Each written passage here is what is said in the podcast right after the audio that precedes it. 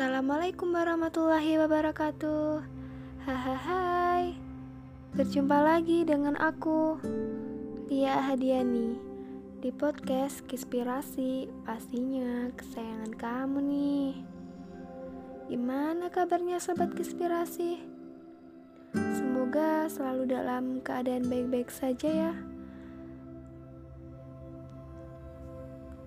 Selalu jaga kesehatan di mana pun kamu berada. Oh iya, pada kangen aku nggak nih? Hehehe.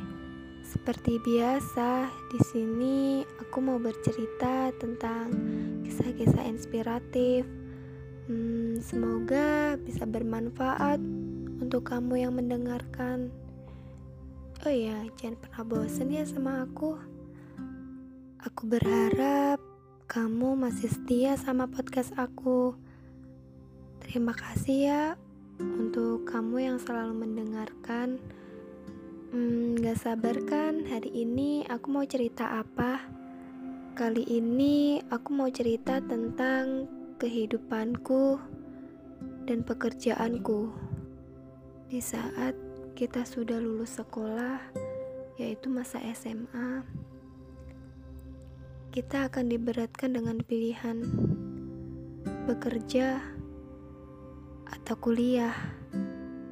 Nah, kali ini aku mau cerita tentang masa-masa remaja untuk memutuskan bekerja. Apakah sobat konspirasi sedang merasa di fase ini? Kalau kamu sekarang merasakan di fase ini, Aku mau bilang, kamu hebat, kamu kuat.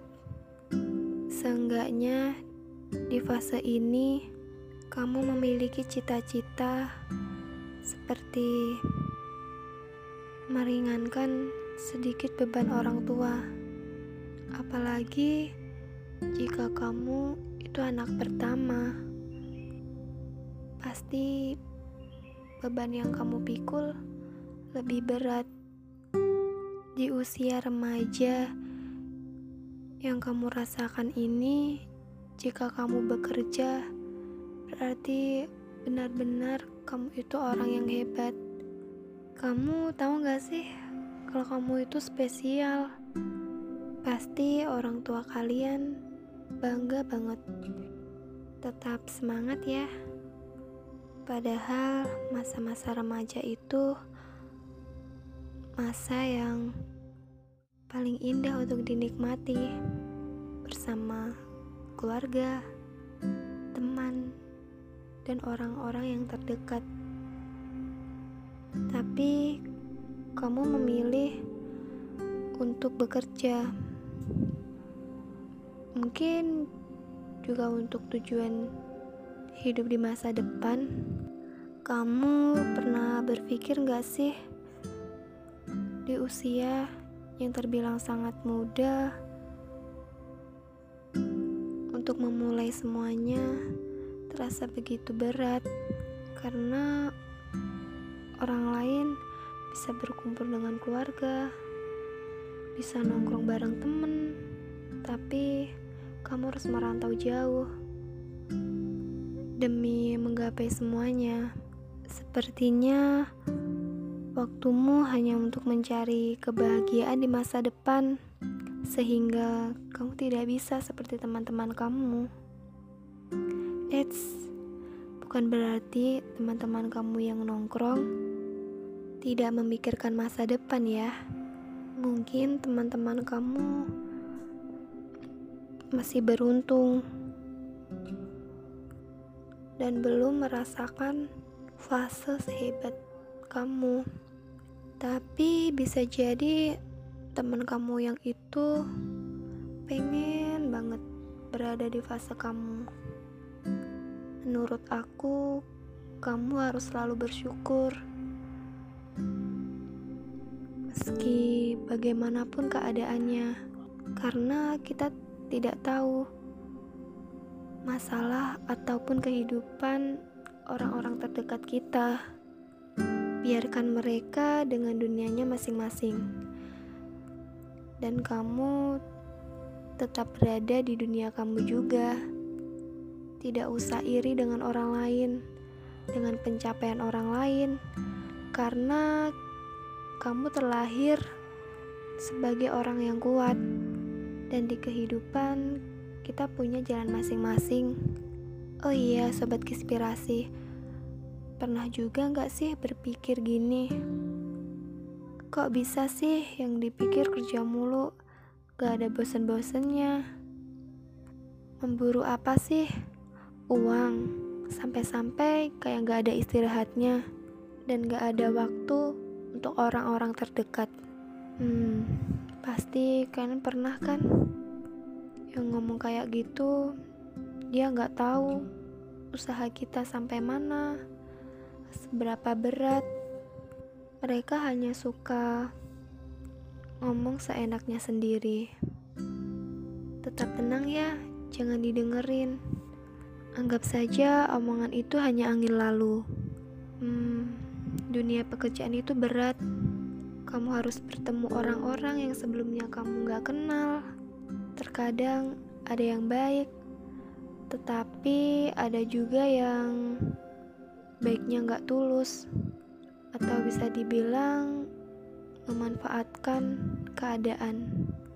Tapi kamu dituntut kuat karena semua itu demi kebahagiaan orang tua, terutama kalau dilihat dari perjuangan awal yang kamu mencari pekerjaan ke sana kemari, ngelamar ke sana kemari sampai kamu pernah putus asa juga kan?